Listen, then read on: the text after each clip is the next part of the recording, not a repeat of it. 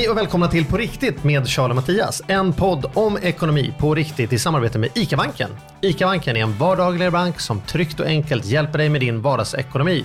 Mitt emot mig har jag Mattias Mackan Andersson. Mackan, var fick du den Men man behöver ha något i mitten. Det har jag aldrig hört. Anders. Ankan Palmström. Ja just det, men vad är du då? Charlie Challe Söderberg? Kungen brukar Primus säga. Ja. Kungen och prinsen brukar vi köra. Ja, det går över. Ja, så är det. Du, vet du vad? Jag har åkt ganska mycket bil i sommar. Jag har varit nere på gården och så åker man runt lite så här. Jag har haft väldigt mycket gäster. Eftersom jag, jag säger alltid till folk så här, kom ner, du vet. Det finns en lägereld, det finns sängar. Och, och så brukar det komma någon. I år kom alla. Mm, inklusive, Inklusive, min familj. det, vi spelade in i trädgården och så. Men då blir det så här, man åker ner till stranden och man ska åka till Kivik och man ska åka till Smygehuk. Och man, det blir så här, man får turista.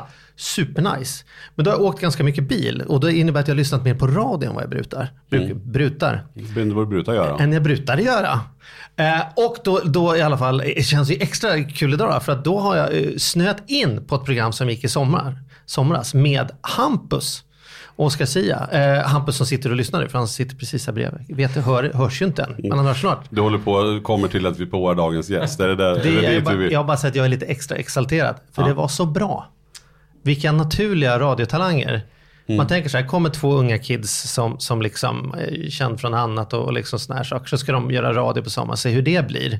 Hur pajigt det blir. Men de var så roliga, rappa, men framförallt omsorgsfulla och ödmjuka. Det var liksom inte så här den där vanliga jargongen utan liksom, de tog hand om sina lyssnare upplevde jag liksom och, och ja, men omsorgsfulla och lyhörda som jag inte är så jädra van vid då kan man väl säga. Nej. Så jag var så här, all respekt och när du häver ur vad tror du? Hampus? Så bara, ja, ja, ta in honom. Men det känns ju som att vi, nu får vi fråga Hampus, han kanske var med i fler poddar, men känner nu ska vi hugga den här stjärnan, liksom kunna säga att det, det var hos oss ni hörde det. Det var innan här det är för sent. Sen kommer han aldrig vilja komma till sådana töntar som dig och mig. Utan Men samtidigt som man tittar i CV, när, man, har läst på lite grann nu, så inser man att det har, alltså, Hampus har gjort mycket grejer. Så det kanske inte är så konstigt att han har kommit till oss på något sätt. Ja, ja. Så att det ska bli väldigt spännande. Men du, vi gör så, vi spelar en jingle och så låtsar vi så att han kommer in. ja, det fast han redan sitter där. Ja. ja.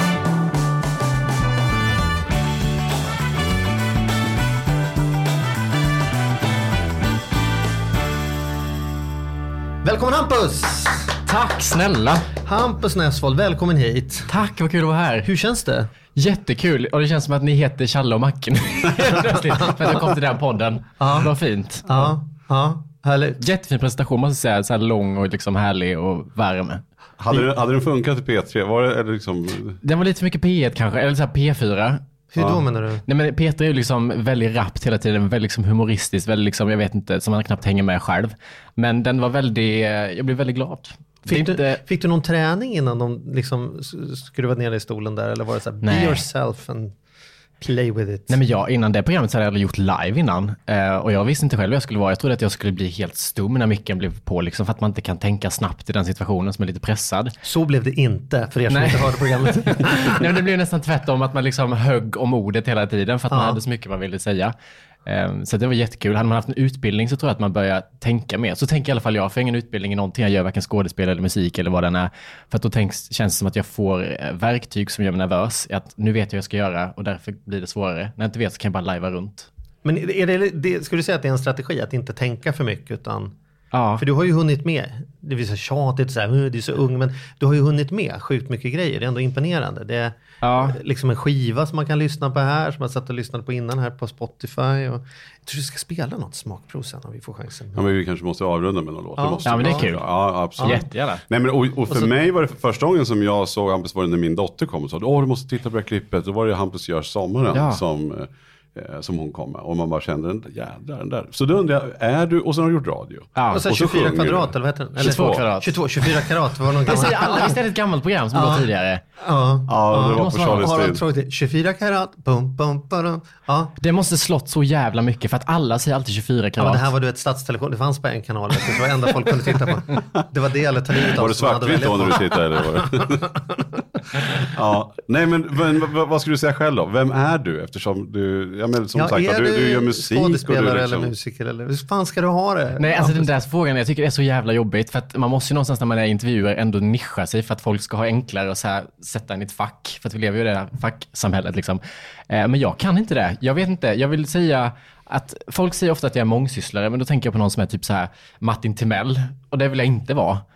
Så Hur är Martin Timell mångsysslare? Nej, men han känns som en sån här mångsysslare, sitter och snickrar i tv, sitter sen och leder något annat program och så åker man runt och föreläser, åker på båtmässor och fan allt för det. Ja, men det är ju du. Nej! Det är det väl? Nej, men du är jobbar med- moderator och du är föreläsare Nej, och du är inte. musiker och du är skådespelare och du... Jo men jag vill, kalla, jag vill kalla mig, det blir för så här pretentiöst att säga att man är konstnär, men jag vill ju kalla mig någonting av det, så att man jobbar med kreativt innehåll, man skapar saker, det är det som är den röda tråden. Oavsett om det är att jag uttrycker mig i radio, eller i en bok, eller skiva, så är det alltid så här kreativt innehåll som kommer från mig själv. Så du vill att andra ska säga konstnär så du slipper säga det själv? Ja, så säg konstnär nu. ja, ja. Men konstnär, konst- ja, men det- någonting som har slagit mig när man eh, liksom läser på lite grann så är det att du är ju inte en youtuber som många andra är. Nej. Det känns som att du är mer innehållsstyrd. Jag menar, nu, vi ska prata mer om boken som har kommit nu alldeles strax. Men är- du är lite mer innehåll, eller hur? Ja, och det är väl det som är när man kommer som ung idag, liksom, jag är bara 21, så tror alla, "Ah, du kom från YouTube eller? Man bara, nej, nej hur, hur kommer det att du hamnar här då? För att jag har gått en mer traditionell väg tror jag, liksom, via att jag startade en egen podcast, sen blev liksom upphaffad av produktionsbolag och började liksom göra för radio och sådär, och så det bara åkt på. Eh, och det är precis som du säger, jag jobbar alltid med innehåll. Jag är liksom inte, många på YouTube idag är ju liksom annonspelare snarare än att de jobbar med innehåll. Att de har sin kanal och så står de och håller ett schampo liksom bara, det här har jag gjort idag och här är ett schampo. Och så får de liksom betalt för det. Medan jag alltid jobbar med kreativt innehåll. Ehm, så jag tycker det är liksom lite skillnaden på att vara, som det kallas, influencer, som kanske många idag har som yrke, och då som jag, som är någon slags skapare. Kreatör kanske man kan säga. Kreatör är inte lika drygt som att säga konstnär. Nej, Det kan man väl säga. Ja, tycker kanske nästan att konstnär, Nej, kreatör jag tycker lite- inget av det behöver vara drygt. Nej, drygt, men om man skulle hålla upp en skylt, vilken av de två som är mest pretentiös, så skulle jag väl kanske säga kreatör. Låter Är det? lite... Petter nickar inte instämmande där. Han säger konstnär känns mer än... Okej, ja men då är jag Vi, nedröstad. vi slår fast att du är konstnär. För jag blir, jag blir Nej, nästan kränkt när Ja. folk säger att jag är så här, du är mediapersonlighet, profil, influencer. När folk säger sådana typer av liksom, grejer så blir jag väldigt kränkt för att det är för mig ytliga yrken. Alltså inte på så sätt, de är inga dåliga yrken överhuvudtaget, men det är liksom inte ett djup i dem på det sättet som, alltså skriva en bok kräver någonting, göra musik kräver någonting, mer än att stå och påa ava ett program. Ja. Men jag vet att det är det jag gör är mest känd för i och för sig, så att det Jo, jo, men, du, men om vi då ska gå på, om vi nu ska börja ändå prata om boken. Den har ju precis nyligen släppts. Ah, Och det måste, hur känns det då? Nej men helt sjukt faktiskt. Det är ju ett år sedan som jag fick den här idén. Och att för ett år sedan tänkte jag att man hade en idé och sen nu så här, ligger boken på bordet här framför oss. Det känns helt surrealistiskt. Har Och du den- hunnit tröttna på den? Ja. Så är det ju. Jag, vi har varit inblandade, jag har varit inblandad i flera bokprojekt och till slut är det så här, skicka inte ett korrektur. Jag vill, jag vill inte se skiten längre. Nu är så här, fortfarande böcker som jag har skrivit, ska inte nämna dem, som jag inte har läst sedan dess. För att det är så Ja. att jag, jag, jag knottrar. Men jag har också svårt att kolla på gamla inspelningar från program jag. Men du har ju fått, oavsett så har du fått ett otroligt gensvar på, Ja. på boken. Det känns som Ja. den, det syns och hörs och, och det känns som att du har ett förlag som verkligen prioriterar boken. Att det liksom verkligen är Ja, någonting gud, som ja. sticker ut. Men vänta, nu börjar vi med bisatsen. Vi Måste säga, boken heter Ta det som en man och handlar om mansrollen Ja. ur, ur ditt perspektiv. Ja, jag har sagt att Eller? det är som en, en käftsmäll och kram i samma bok typ. Alltså det är att göra män medvetna om de privilegier de har. Gud vilket svårt ord på småländska. Privilegier. och eh, också så här omfamna någonting att vi kan prata, vi kan närma oss varandra, det är inte konstigt. Ja. För att det är lite tabu att så här, som man uttrycka känslor. Men vad skulle du säga, vad är det mest provocerande i boken då? Om du, om man ska, vad kommer folk att hänga upp sig mest på? Det beror på vem man är. Jag hörde någon eh, medelålders eh, kvinna nu som sa att det var lite för mycket kuk i boken och lite för mycket sådana ord. Och det tycker inte jag alls att det är. Men jag tycker det skulle mer som jag skulle skriva penis liksom, i varje, varje gång jag benämner det manliga könet. Eh, så det kanske vissa provoceras av, att jag är väldigt frispråkig i hur jag pratar. Jag svär väldigt mycket, jag har säkert svärt tre gånger här sen vi började spela in.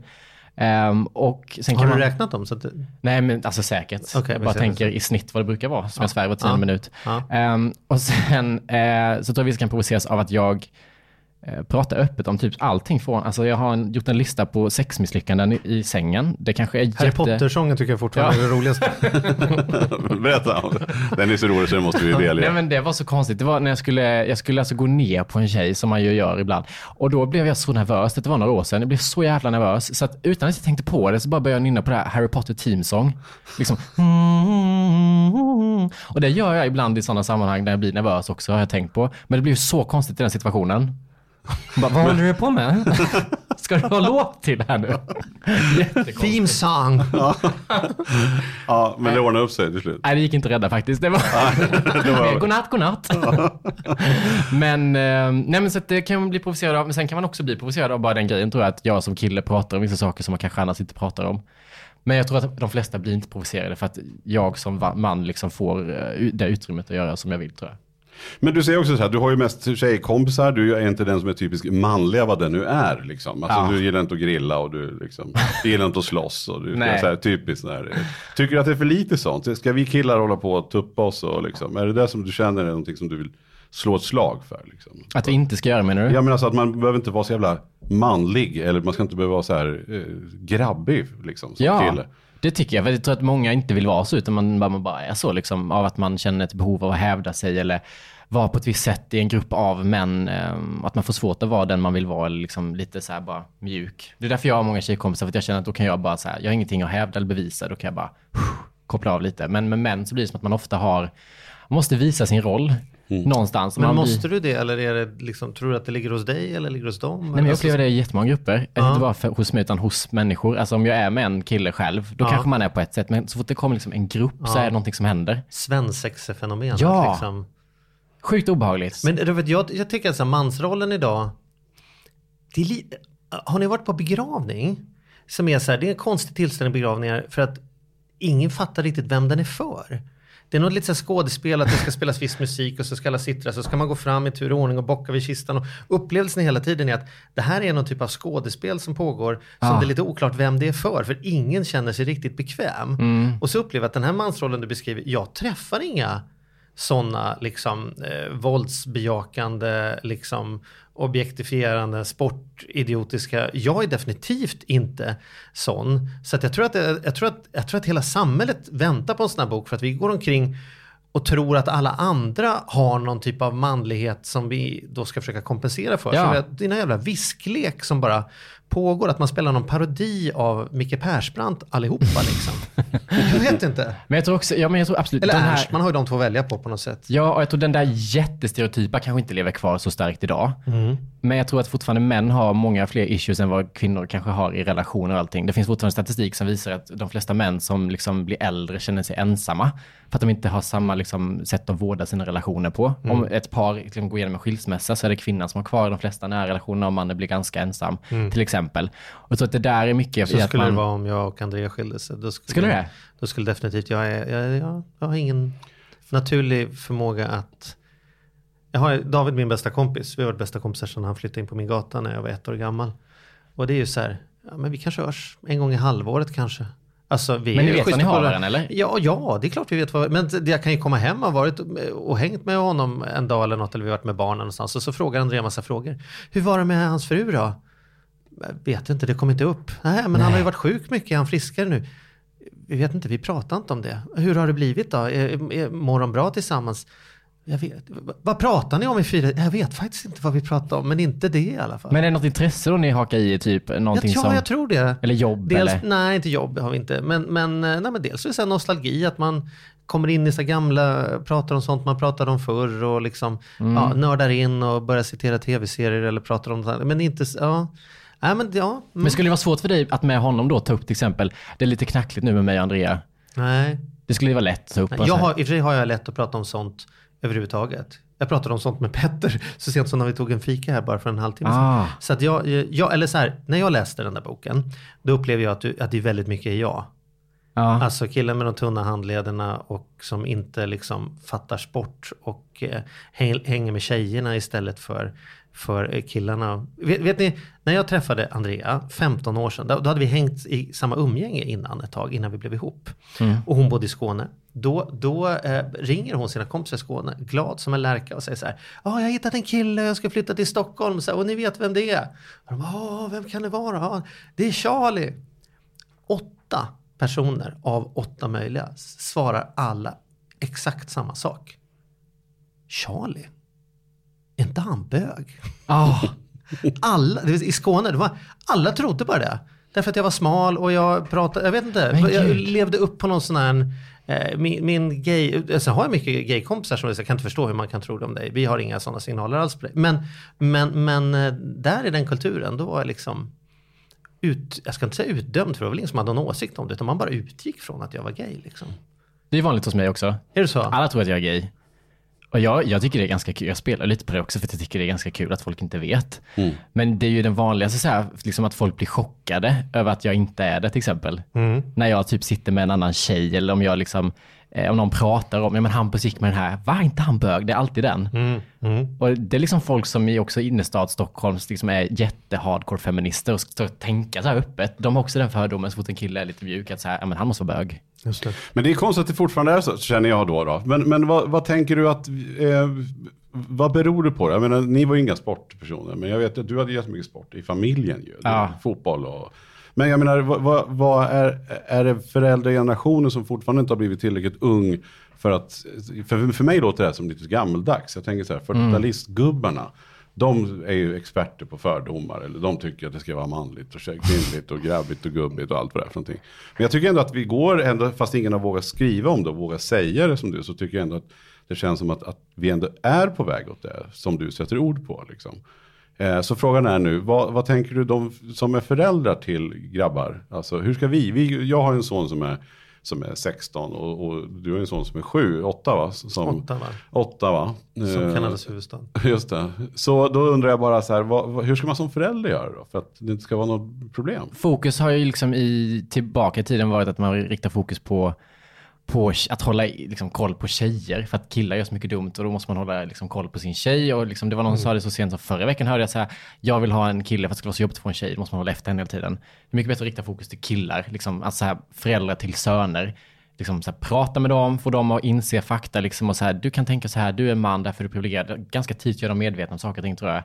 Eh, och att de har ett ansvar, liksom, hur man beter sig och inte beter sig. För att jag tror att föräldrar till pojkar generellt sett har ganska lätt att bara så här, sopa bort för att de tänker Boys att det är will lugnt. be boys. Ja, exakt. Det Nej, är det som aha, håller idag. Och, jag, och, och alltså min son har spelat hockey i hela sitt liv fram till bara till nu i somras. Och där känner jag ju att extremt i den här hockeyfarsekulturen. Ja, det är det. Ja, det är nästan hemskt alltså. Hur bitvis. kan det Det är en visa fördom tänker jag, men Ja. det kanske är så också. Ja, nej, men det är, och den fördomen vill jag påstå Men kan slå du, in. hur, hur, hur yppar sig det? Nej men det ska vara tufft och hårt och grabbigt och man ska inte känna efter och fan han är ju, fan kom igen nu grabben. Ja. Fan är du en jävla kärring eller liksom. Ja. Det är det där liksom som jag känner. Så där har kanske jag har varit överbalanserande då istället för att jag tycker det är hemskt.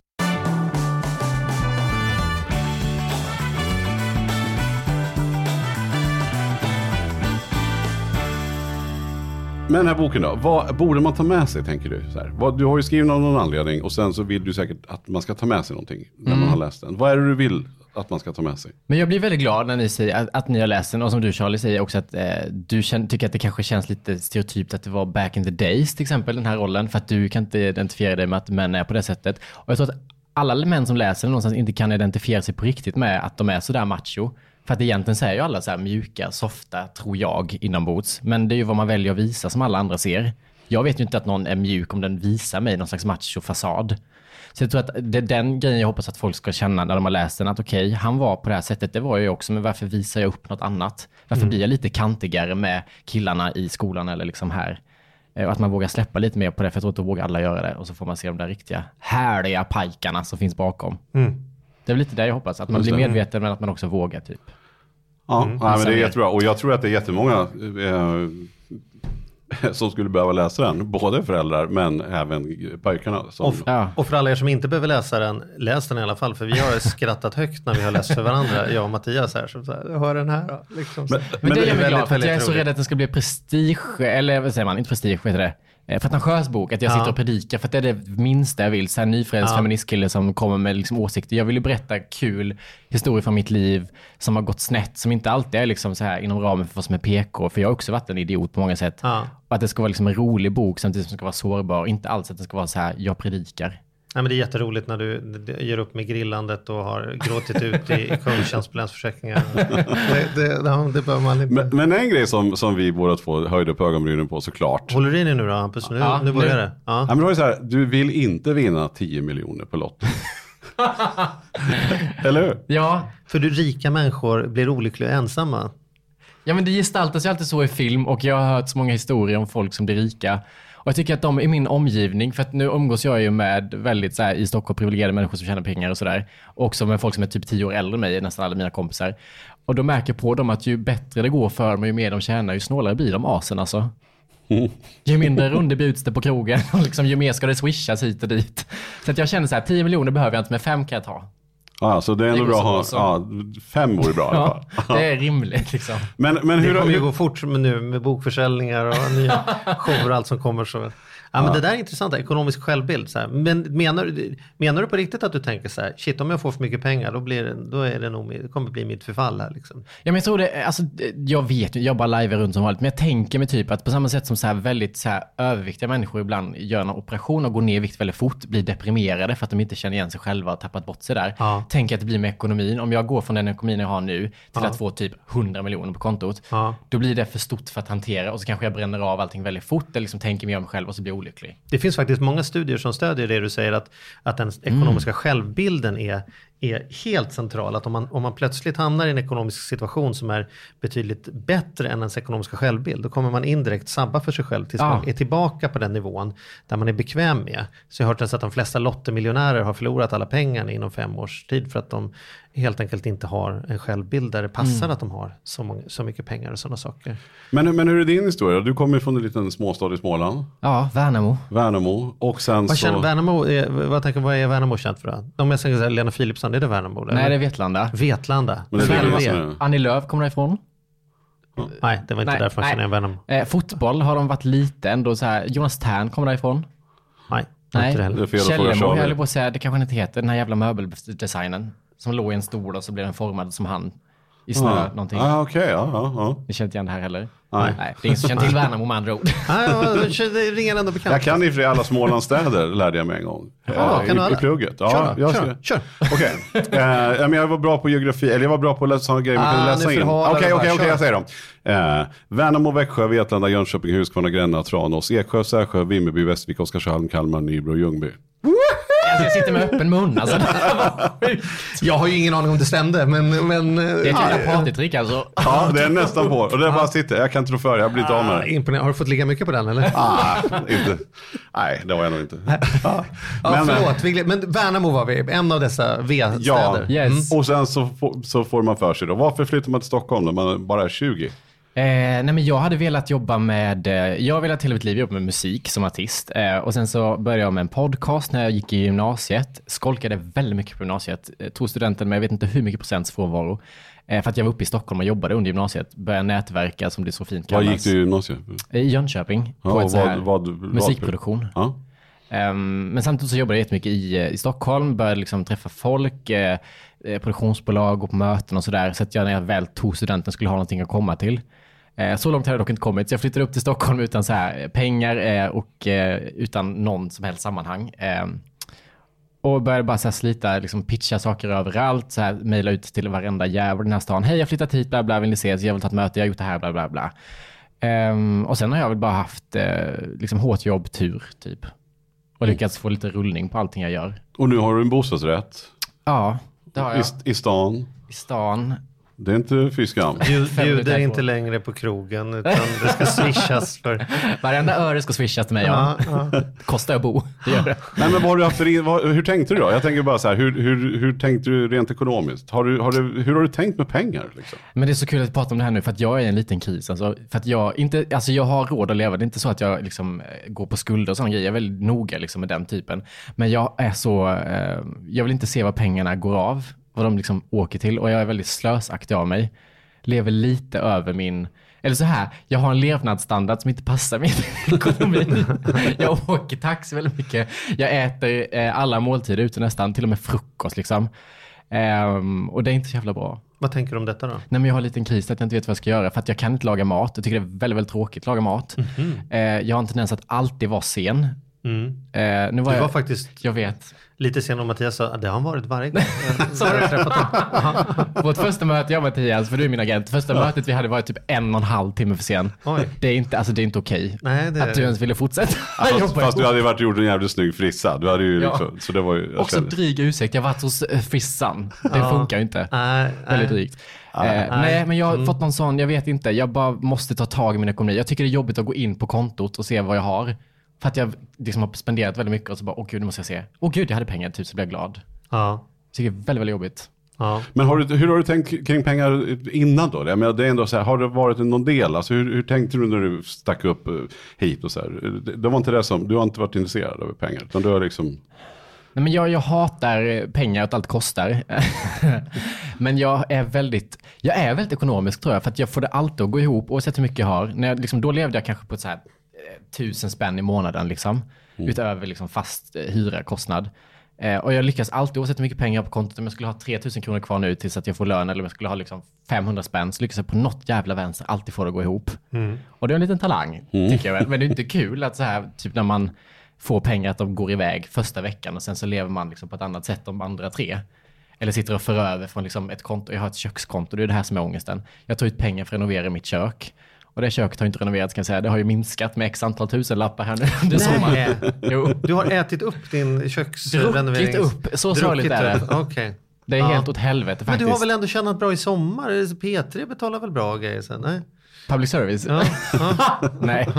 Men jo, jag tjänar ju pengar. Det är inte det. Det handlar inte om det. Men du har ju jag... jobbat många timmar med det. Ja. Är det någon typ av kontinuitet? Nej? Jo, Okej. absolut, absolut. Men jag, jag, som sagt, fel prioriteringar. Sen är mitt företag heligt. Jag tar ut väldigt lite i lön. Jag, jag är fortfarande så medveten tycker jag. Jag tar in lite i lön liksom för att jag ska få vinst och liksom bygga upp liksom ett kapital i företaget så att jag kan vara trygg sen och sådär. Men den lön jag tar ut lever jag upp väldigt fort. Och den går till helt fel grejer.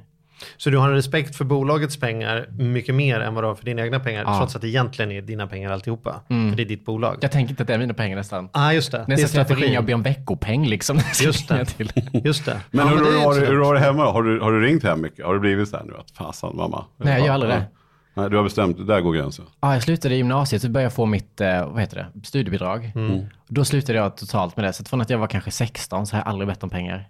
Jag, alltså jag skulle hellre liksom, nej jag skulle liksom, alla sådana små saker som så här, nu var den här försäkringen åkte på lite mer så kan min mamma fråga för att få post hem till Värnamo. Så kan du fråga, ska jag ta den här hemförsäkringen? Jag bara, nej skicka upp den. Ja men den kostar ganska mycket, det är en klumpsumma bla bla för ett år. Jag bara, ja men jag tar den. Så får jag ta ut lite extra i företaget så får det svida liksom den månaden. Jag vill absolut inte be om pengar. Jätte, jättesvårt för det. De får inte betala för mig när vi är, när de är här heller. Om de är så här, nu går vi och handlar till dig. Jag bara, nej jag kan handla själv. Och det är så? Alltså, Ja. du är, är det det småländska ådran? Eller är det bara ovanligt kloka föräldrar? Eller vad är det som har gjort att du har blivit sån då? Nej men jag tror att jag vill känna mig, eh, jag vill känna mig oberoende av dem på det sättet. För att de har varit väldigt mina föräldrar har bra jobb, liksom tjänat bra. De vill liksom, eh, de har varit väldigt stöttande ekonomiskt under min liksom, uppväxt. Men jag känner att där vill jag liksom nu bara känna att jag klarar mig själv. Jag har ett eget bolag, ett eget jobb, jag klarar mig helt och hållet. Det handlar väl också om, tänker jag, någon så här stolthet när man, när man väljer en sån udda väg som du ändå har valt. Måste ändå vara, Ja. dina föräldrar kan ju inte vara, ja ah, men gud vad kul, ska du bli lite mångsysslare i Stockholm? lite, och då finns väl också en extra stolthet att visa liksom, nej men jag klarar, jag, ni behöver inte vara oroliga för mig, jag, jag klarar till och med hemförsäkringen. Liksom. Eller? Ja, men så, jo faktiskt, jag tror det. Att det är så att man, man har sin, sin hobby som jobb och att det funkar. Ja. Och att man får bo där man bor eller liksom göra det man gör. Det är liksom absolut någonting att man bara säger, jag klarar det här. Men hur trygg är du med att det kommer funka då?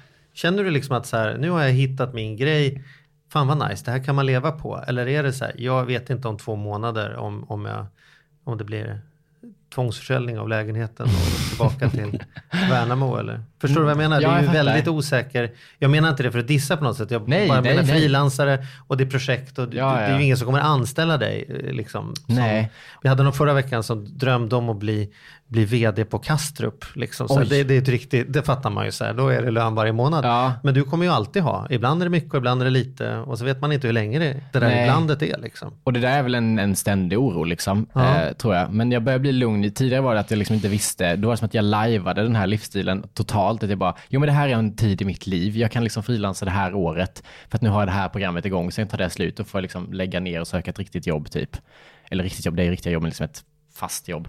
Eh, men sen nu så är det som att jag börjar känna mig mer och mer trygg i att ja, men det är så här man gör. Jag börjar liksom hitta mina vägar. Jag vet hur jag liksom, eh, får jag en idé så vet jag vilken väg jag ska ta, var jag kan få pengar ifrån. Eh, jag börjar också få mer förfrågningar liksom, och då blir det också en trygghet att man vet att ja, det här kanske jag vill säga nej till, men skulle det krisa så finns det liksom möjligheter. Det finns folk som vill jobba med en och det är ju en trygghet. Sen är det inte alls ta för givet att jag ska kunna leva som jag gör och liksom bestämma mina tider och liksom platser och allting. Men jag tänker så här, du, måste ju, du är ändå en udda väg du har valt. Eh, Jag tänker att de allra flesta gick väl vidare och pluggade och är studenter och tänker vart, Ja. vart, vart Eller blev det av eller var honom? åtminstone Nej, där men, men vi på hade ju gymnasiet. den här killen vi snackade om som, som ville bli vd på, på, på Kastrup. Han eh, är då kårordförande i, på en högskola. Och där, Och Handelshögskolan i Göteborg. Ja, Handelshögskolan i Göteborg och pluggar, pluggar. Jag tänker, dina gamla kompisar, var, tyckte de att du var knäpp som drog direkt? Liksom? Ja, men i och med att jag kommer från ett litet ställe så är det ju väldigt, det är väldigt ante. Man ställer sig i ledet och så står man där liksom, sticker inte ut. Och jag tror att de har tidigare, jag har tidigare blivit väldigt hånad tror jag. Att folk snackat mycket bakom ryggar och sådär. Att gud vad har han på med, vad tror han att han är liksom och bla bla bla bla.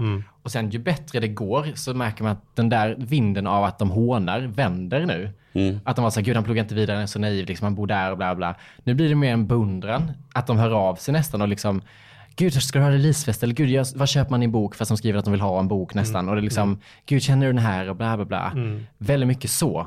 Ehm, Blir du glad då eller Ja, känner du att det Hur blir känns det? smakar lite beskt? Eller? vissa kan bli väldigt provocerade av, som liksom skriver saker som att, som att de skulle kunna komma upp och hälsa på mig här en helg. Där man bara, du mobbar mig i högstadiet, Ja. du är dum i huvudet. Ja. Men sen vissa kan man bli så här lite, lite bekräftad av att nu börjar den följa på Instagram, gilla allt, skriver till mig. Nu liksom har jag nått någon slags cool nivå istället för att man är en tönt som försöker. Ja.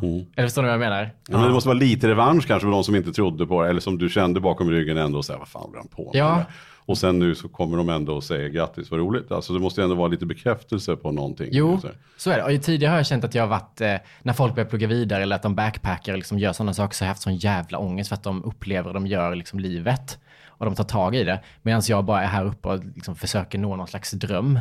Vilket känns så jävla naivt. Men sen nu är det som att jag mer och mer fattar, okej jag, jag behöver inte backpacka, jag behöver inte resa och upptäcka världen för att alla de kickarna får jag i det här jobbet, i den här världen som jag lever i här uppe. Och plugga vidare behöver man om man liksom ska bli läkare eller ska bli det här och det här och det här. I den här branschen som jag vill jobba och verka i så tror jag att mycket handlar om kontakter och erfarenhet. Och den får jag liksom learning by doing hela tiden. Så att jag börjar landa lite mer i att det här är mitt jobb, att det här är liksom okej okay, och att det inte är tabu att inte plugga vidare, liksom att jag inte behöver göra det. Um, och det känns jävligt skönt. Men hur känner du så här? Nu förstår jag, det är så här, det är, det är ju, men är det här någonting som du, jag tänker, hur, hur ska man få den här känslan som du har? För uppenbarligen så, du mår jävligt bra i det du gör just nu. Liksom. Ah. Hur, hur ska föräldrar tänka? Det är inte lätt att man säger nej, nej, nej, nej, så här, du, Hampus, du stannar här, du ska plugga här. Och liksom, Hade du något, var det tufft gentemot dina föräldrar? Alltså, var det jobbigt? Tror, du- tror du de tyckte det var jobbigt? Mina föräldrar har faktiskt varit väldigt stötta. Min mamma är ju liksom, båda är så här karriärister. Så jag kommer ihåg från att jag var väldigt liten. Min mamma sa, jag kommer ihåg någon gång när vi bastade i, vår, i vårt hus och så frågade hon, vad vill du bli när du blir stor? Eh, och så sa jag, jag vill bli artist. Hon bara, hur har du tänkt att bli det då? Och jag bara, ja men jag ska bli artist, liksom stå på mello typ. Hon bara, ja men tror du Bert Karlsson kommer komma in med ett skivkontrakt och slänga upp på köksbordet eller? Jag bara, nej. Och så typ man nästan lipa bara, nej man får ju jobba för det Hampus. liksom att väldigt så här, präntat in den attityden. Så då sprang jag liksom iväg till vår skivhylla som vi hade i, eh, i huset. Eh, tog alla skivor och bläddrade igenom den här, liksom, eh, vad heter det? Foldern. är- Convoluted. Ja, exakt. Och hittade skivbolagen, googlade upp adresser, skrev ner och sammanställde. Sen skickade ut ett demo till alla. Så från att jag var typ så här 10 så har jag liksom jobbat aktivt för att hamna Ja. där. Så jag tror att de har haft en väldigt stark tro och sett min drivkraft och därav liksom litat på att jag vet vad jag gör, jag vet vad jag ska. Och därför bara stöttat hela tiden. Min pappa lyssnar ju på allt jag gör, skriver liksom så fort det är någonting, liksom hur bra det är liksom och sådär. Väldigt, väldigt patisk, väldigt gullig på det sättet. Men så jag tror att jag har inte behövt ta den ta den kampen. Jag tror det är värre för föräldrar som om man har en, ett barn som har en dröm liksom, men som inte uttrycker någon slags vilja att komma dit. Utan Mm. bara, jag ska bli fotbollsproffs. Men du sitter och spelar spel och äter chips typ tre Ja. kvällar i veckan. Ska du inte gå ut och träna då? Nej, men jag ska bli fotbollsproffs. Alltså, Ja. vet, då är naiviteten tror jag lyser igenom mer än någon som faktiskt aktivt jobbar. Jag har inte gått på den där festen under hela gymnasiet eller liksom under hela högstadiet. Jag sitter bara hemma och mejlar på fredagskvällar och sådana grejer. Så jag tror att den grejen har gjort dem trygga. Jag, jag kommer ihåg någon som skrev så här, skoluppgift till en barn, så här, vad vill du bli när du blir stor? Och någon som hade svarat lycklig. Och så hade skickats hem och då hade fröken skrivit, jag tror du har missuppfattat frågan. Och då hade föräldrarna strukit över och skrivit tillbaka, nej jag tror du har missuppfattat frågan. Så jävla bra. Ja, det är riktigt bra. Men vi, vi, det är ju liksom, vi, vi är lite inne i, i nu ska inte du klä, klä ansiktet för studenter där, men vi hade studenttema förra veckan. Ja. Har du lite lifehacks att bjuda på? Den som nu snubblar in i Stockholm här och det är, ska leva på studiebidrag eller osäkra inkomster, eh, fiskpinnar i brödrosten och liksom så här, innan man breakar sitt, sitt stora kontrakt. Nej, men det är det Hur här jag menar. överlever du nu utan att ha kört, några extra pengar? Nej men det är det här jag menar, jag, jag har ju aldrig haft den levnadsstandarden. Jag har ju inte accepterat att det är där jag bör ligga. jag kör ju ändå liksom spybar champagne Men hur går det ihop sig? Hur har det gått ihop sig? då? Nej men jag vet inte. Det bara gör det varje månad. Mitt Det kökskonto har det, fått säm- det här är lida. det sämsta. Det sämsta gäst vi kunde ha Kör bokat. spybar. Gå Det, funkar på något sätt. Jag vet inte hur. Fan, men jag kanske, är det kanske är mamma som skjuter till pengar på ditt konto utan att ha märkt det i alla Nej fall. men det hade jag märkt faktiskt. Okej. men, men jag är faktiskt chockad över mig själv att jag alltid lyckas få det att gå ihop. Det är faktiskt helt eh, fascinerande. Men jag blir ju också en sån här, ehm, om man ska ha något lifehack så kan man ändå känna att eh, om jag har det knapet, liksom, då, jag har aldrig matlåda.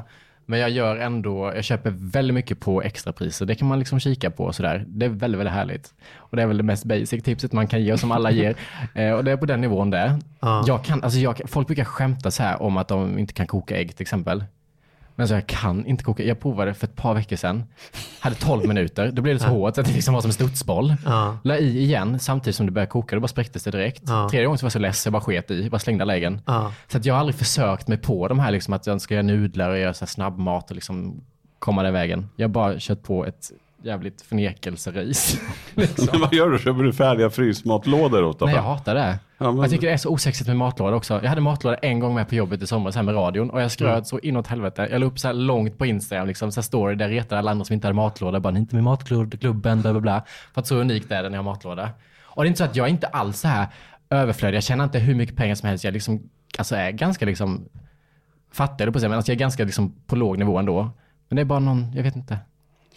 Men du måste ju ha något trick. Det kanske är så att, att du ser till att bli bjuden då kanske, tricket eller? Hänga med, lite, hänga med lite rikare Rika kompisar. kompisar.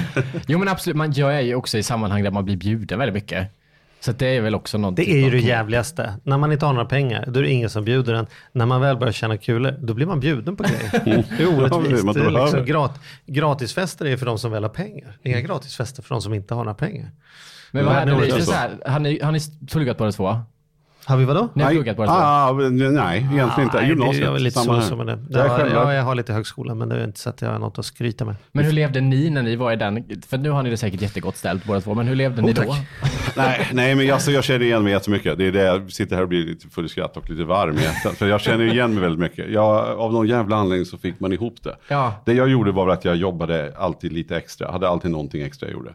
Och då kände jag så här, för att kunna hålla, så här, men jag vill vara med och göra något, ja men åka på någon extra konsert eller köpa finare hoj som jag höll på med då, eller vad det nu var jag gjorde, så, så jobbade jag alltid lite extra. Jag tog någon trappstädning som fanns, men jag satt och tittade i, liksom, gick in på Arbetsförmedlingen och kollade och sen hittade man någonting. Så det är väl snarare det som, som, jag, som gjorde att jag kunde ösa på lite också sådär. Men på något sätt fick man alltid ihop det. Jag, jag, också, så jag, jag känner igen det där. Men jag tror att det handlar om att man ligger på rätt sida från början. Du till exempel har ju ändå känt att ditt företag är heligt. De där rör du inte. Ja. Du vet att här går gränsen någonstans. Så här, liksom, de, här, de här pengarna tar jag ut och sen får det bli slut. Men Ja. du, ta, liksom, du tallar inte längre än så. Nej. Och det tror jag är liksom tricket. Att man ändå liksom väljer att hamna på rätt sida. Att du inte kryssar i och tar det där sms-lånet eller det där enkla lånet bara för att du skulle kunna. Du hade ju, hade ju lätt kunnat gjort. Ja, men det kanske är grejen att jag går ihop det varje månad. För att jag lägger väldigt mycket pengar på mat och liksom utekvällar och eh, nöje så. Men jag skulle ju inte ha, jag hade hund ett tag lite naivt också förra året. Och då hade den liksom åkt in på sjukan och man behövt betala någon slags avgift, hade inte gått. Eller om jag hade liksom velat åka på, om Håkan Hellström släpper biljetter idag och alla mina vänner åka, då hade inte jag kunnat lägga pengar på det. För att jag liksom inte har den liksom stora klumpsumman varje månad för att jag spröder ut det. Så det är kanske där jag drar in mina pengar då, att jag inte lägger pengar på sådana grejer. Grejer. Grejer? Nej, men att du kör mer, ja men precis, ja, inte vet jag. Men jag tror det är viktigt att man inte liksom kliver över, att du tar det där lånet. Eller Ja. att du, att du tar den enkla vägen någon Och det, att du någon gång aldrig gör det och aldrig skulle göra det. Då tror jag, då ligger man ändå på rätt sida av Mm. noll. Och är det nere på noll och du inser att oj, jag hade bara 500 kvar. Då är det ju där du har. Du skulle ju ändå inte gå under noll. Förstår du vad jag menar? Du, det vill. Ja. säga, du lånar inte. Du skulle ändå inte ta ett sms-lån. Men min, min mamma är ju bankman, så att- så att jag har också från barndomen så här väldigt så här, lån, det tar man inte. Men hur mycket Mm. pratade ni då ekonomi? Var det så här att du fick göra budgettavlor hemma och eh, liksom räkna på ränta innan You du fick frukost? Och liksom. Men mycket Nej, men man har kontrakt en gjorde sån jag. bild, bild av så här banktjänstemanna liksom. Ja, men, Nu ska här uppfostras, men så, så var det inte, eller? Nej, alltså inte alls på det sättet. Så hon har varit väldigt så här noga med att eh, men om jag får den här pengarna, då ska det räcka till det här. Då får jag betala själv liksom, och stå för mig själv. Och det har ju obviously gjort sig väldigt bra i och med att jag idag också kan hushålla med det jag har. Men det vi gjorde som jag har varit väldigt noga med, det kanske är min sida och inte hennes, var att jag hade så här kontrakt. Veckopengen skulle fan vara på pränt liksom, om vi kom överens om någonting. Och då skulle båda signa på, det var datum och det var stad. Och liksom, Väldigt noggranna åtgärder och grejer, vad som händer om vi bryter någon av oss och sådär. Eh, och det vet jag inte om Var jag det på din inrådan eller på mammas Nej, det var jag som gjorde de här kontrakten. Vad, vad, vad, vad fanns det för straffpåföljd mot kontraktsbrott? Kommer Ja, men då var det två veckor utan veckopeng till exempel. Aha, ja. Om hon gjorde någonting som bröt eller var för sen med den så var det att hon fick betala lite extra kanske, en straffavgift. Ja. Eh, så att där har man liksom varit och haft sig. Men annars tror jag att jag har, det enda jag har fått i, liksom, inmärlat är väl att lån, det, nej, det gör du fan i. Mm. Så att jag skulle aldrig ta ett sms, alltså det finns inte på kartan. Men det, sä- det, när man hör om det, då säger man också så att du är väldigt noga. Alltså att du, du är Ja. ambitiös och du är noggrann och du lägger mycket energi in i det du gör. Ja, Är, är du en arbetsmyra liksom eller ja gud ja. manisk? Nu jädrar ska det bli perfekt eller? Ja, men jag är manisk. eh, Jag är absolut jätte, jättemanisk. Jag liksom lämnar ingenting åt slumpen i något projekt. Jag tror att där kanske man som ung ibland får ganska mycket motstånd för att jag lägger mig i saker som jag kanske inte ska ha att göra med. Alltså typ om man tar boken, varenda liten punkt eller liksom bokstav som står i den här boken har jag liksom varit med och lagt. Jag var liksom med in, alltså stunden innan det gick i tryck skulle jag vara där för att se så att allting var perfekt. Och de har inte fått ändra någonting, korrekturläsare och sånt. De har inte fått ändra någonting utan att jag liksom godkänt efteråt haft möte med dem och fått gå igenom. Omslaget, samma sak. Jag har kämpat med för att det skulle bli det här omslaget som det blev och inte ett annat. Och där har de varit så här, men vi vet, vi har säljavdelningen, vi har det här, bla bla. Och jag bara, fast det här är liksom, det är så här det ska se ut. Och det är jag skitnöjd för, för att det blir ofta väldigt, eh, låter som jag har hybris, men det blir ofta väldigt bra. För att jag har en stark vision av vad, liksom, vad jag vill åt. Eh, och när jag står på mig åt det så blir det väldigt bra. Men då får man också jobba väldigt, väldigt hårt. Man kan inte förvänta sig att någon annan gör jobbet då, liksom, om man har en vilja. Då får man vara beredd att styra. Men det är ju, du är ju extremt målmedveten. Och för, å ena sidan när man hör det när du säger att vi är ute och festar, jag så här mycket, så låter det som att du, eh, ja men inte att du har struktur, men egentligen så Ja. har du ju en grym struktur och väldigt ordning och reda. ju. Arbetsmoral. Ja, Arbetsmoral. så här, när det kommer till mitt jobb så har jag sjuk arbetsmoral. Det här säger alla mina kompisar. Jag är liksom väldigt driven, har alltid koll på allting. Men när det kommer till mitt privatliv så är det kaos. Det är liksom så här, min lägenhet nu är liksom inte kul. Det är liksom för att jag tar inte tag i saker som att renovera till exempel. Eller som att jag borde dra på värmen på elementet. Liksom det går lite för lång tid och sen så hinner det bli varmt igen så man kan stänga av igen och sådär. Så jag har liksom ingen Att håller på att sätta på och stänger av elementet. Ingen... Nej men förra året då frös jag som fan från oktober till mars. För att jag, jag skulle dra på elementet, jag skulle lufta bara liksom, sen så kan man Aha, dra på det. mm. Men jag kom aldrig dit. Så att när jag väl skulle dra på elementets värme igen och lufta det, då var det för fan maj. Då var det dags att stänga av igen. Ja. Så att jag liksom, där är jag helt odriven. Samma sak nu ska jag och min flickvän åka på en resa här och hon har sagt till mig att boka i två veckor, inte bokat. Så att det är liksom, där händer ingenting.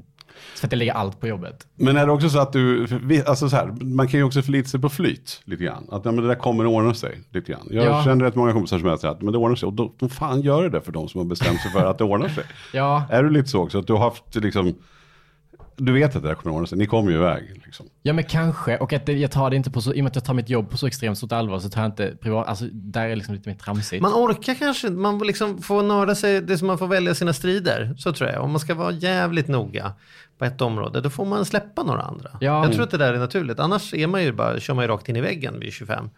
Om man ska försöka ha perfekt hemma och en perfekt liten hund och en perfekt liten tjej och ett perfekt jobb och perfekta umgängen med perfekta parmiddagar. Det är då man dör. Man kan ha perfekta parmiddagar, men då får man ju skita i något annat då. säga, "Det där är det inte så noga. Det är väl det jag hör. Liksom, kö- kö- kör all in på, på jobbet så skit samma om det är kallt i lägenheten. För att tofflor där då liksom. Det... Ja men lite så, jag gillar okej. lite det typ tror jag. Ja, det är ja. min så här underdog-grej. Nej, jag så på väldigt Hampus. Tycker jag absolut. Kör på den. Ja, det låter bra. Skit i du, eh, du har ju också gjort ett, ett soundtrack som man säger. Det är ju inte bara boken, utan det är ett soundtrack kopplat till Ja. boken, eller hur? Berätta, hur kom du på den idén? Nej men det känns som att man, jag vill göra någonting nytt av en bok också. Bok är så fin på det sättet man skriver ju ett bokmanus, men man kan göra vad som helst av det. Man kan göra föreställning, man kan göra en serie, man kan göra film man kan göra musik. Så att, eh, jag har gjort ett soundtrack där det finns sju låtar och varje låt är kopplad till ett kapitel. Så att om man har läst ett kapitel kan man gå in och lyssna på en låt och få samma historia liksom, och en annan upplevelse och mer känsla. Att man kanske läser någonting och så fattar man, men det är först när man hör någonting som man kanske börjar känna. Kan man börja tvärtom? Kan man börja med låten och sen så... Ja gud ja, man kan bara lyssna på soundtracket och inte Ja, läsa boken eller ja, tvärtom också. Det är bara att det ska finnas en möjlighet för den som läser att bli berörd eller så här, ta del av en stor värld typ. För mig så, ja, men det låter jättebra. Men du, det är helt fantastiskt. Vi ska avsluta med en låt. Vi, får, vi tänkte Får vi att det? skulle... Ja, kör! Spela bit. Vi tänkte köra en, ur den här som känns som min favorit som är, låter som den är som gjord för att bli nästa James Bond-temat. Va? Har, har du inte tänkt på att det är en som har så här skön... Vilken är detta? Är det Be a Man, huvudspåret? Ja. Är det det? Jag tycker inte att Ja, den men det är lite filmiskt och- Fläskig, filmisk, Ja, nice. eh, Men vad kul. eh, lite... Du har, inte, du, har, du har inte hört det förut? Någon som har satt Jo men eh, en, på, Bond-tema-feeling? en på skivbolaget som jag har som sa Mm. att den är väldigt så här, man, om man gör den live så kommer mycket orkester för att den är väldigt filmisk och teatralisk. Ja, men då drar vi en refräng på den. Och så tackar vi så hemskt mycket för att du kom till oss. Så kul, tack. Så otroligt roligt. Lycka till med boken och allt annat. Tack snälla. Hej! Hej. So be a man, be a man, be a man, be a man, be a man, be a man, be a man, be a man, be a man, be a man. In our greatest fear, it's crystal clear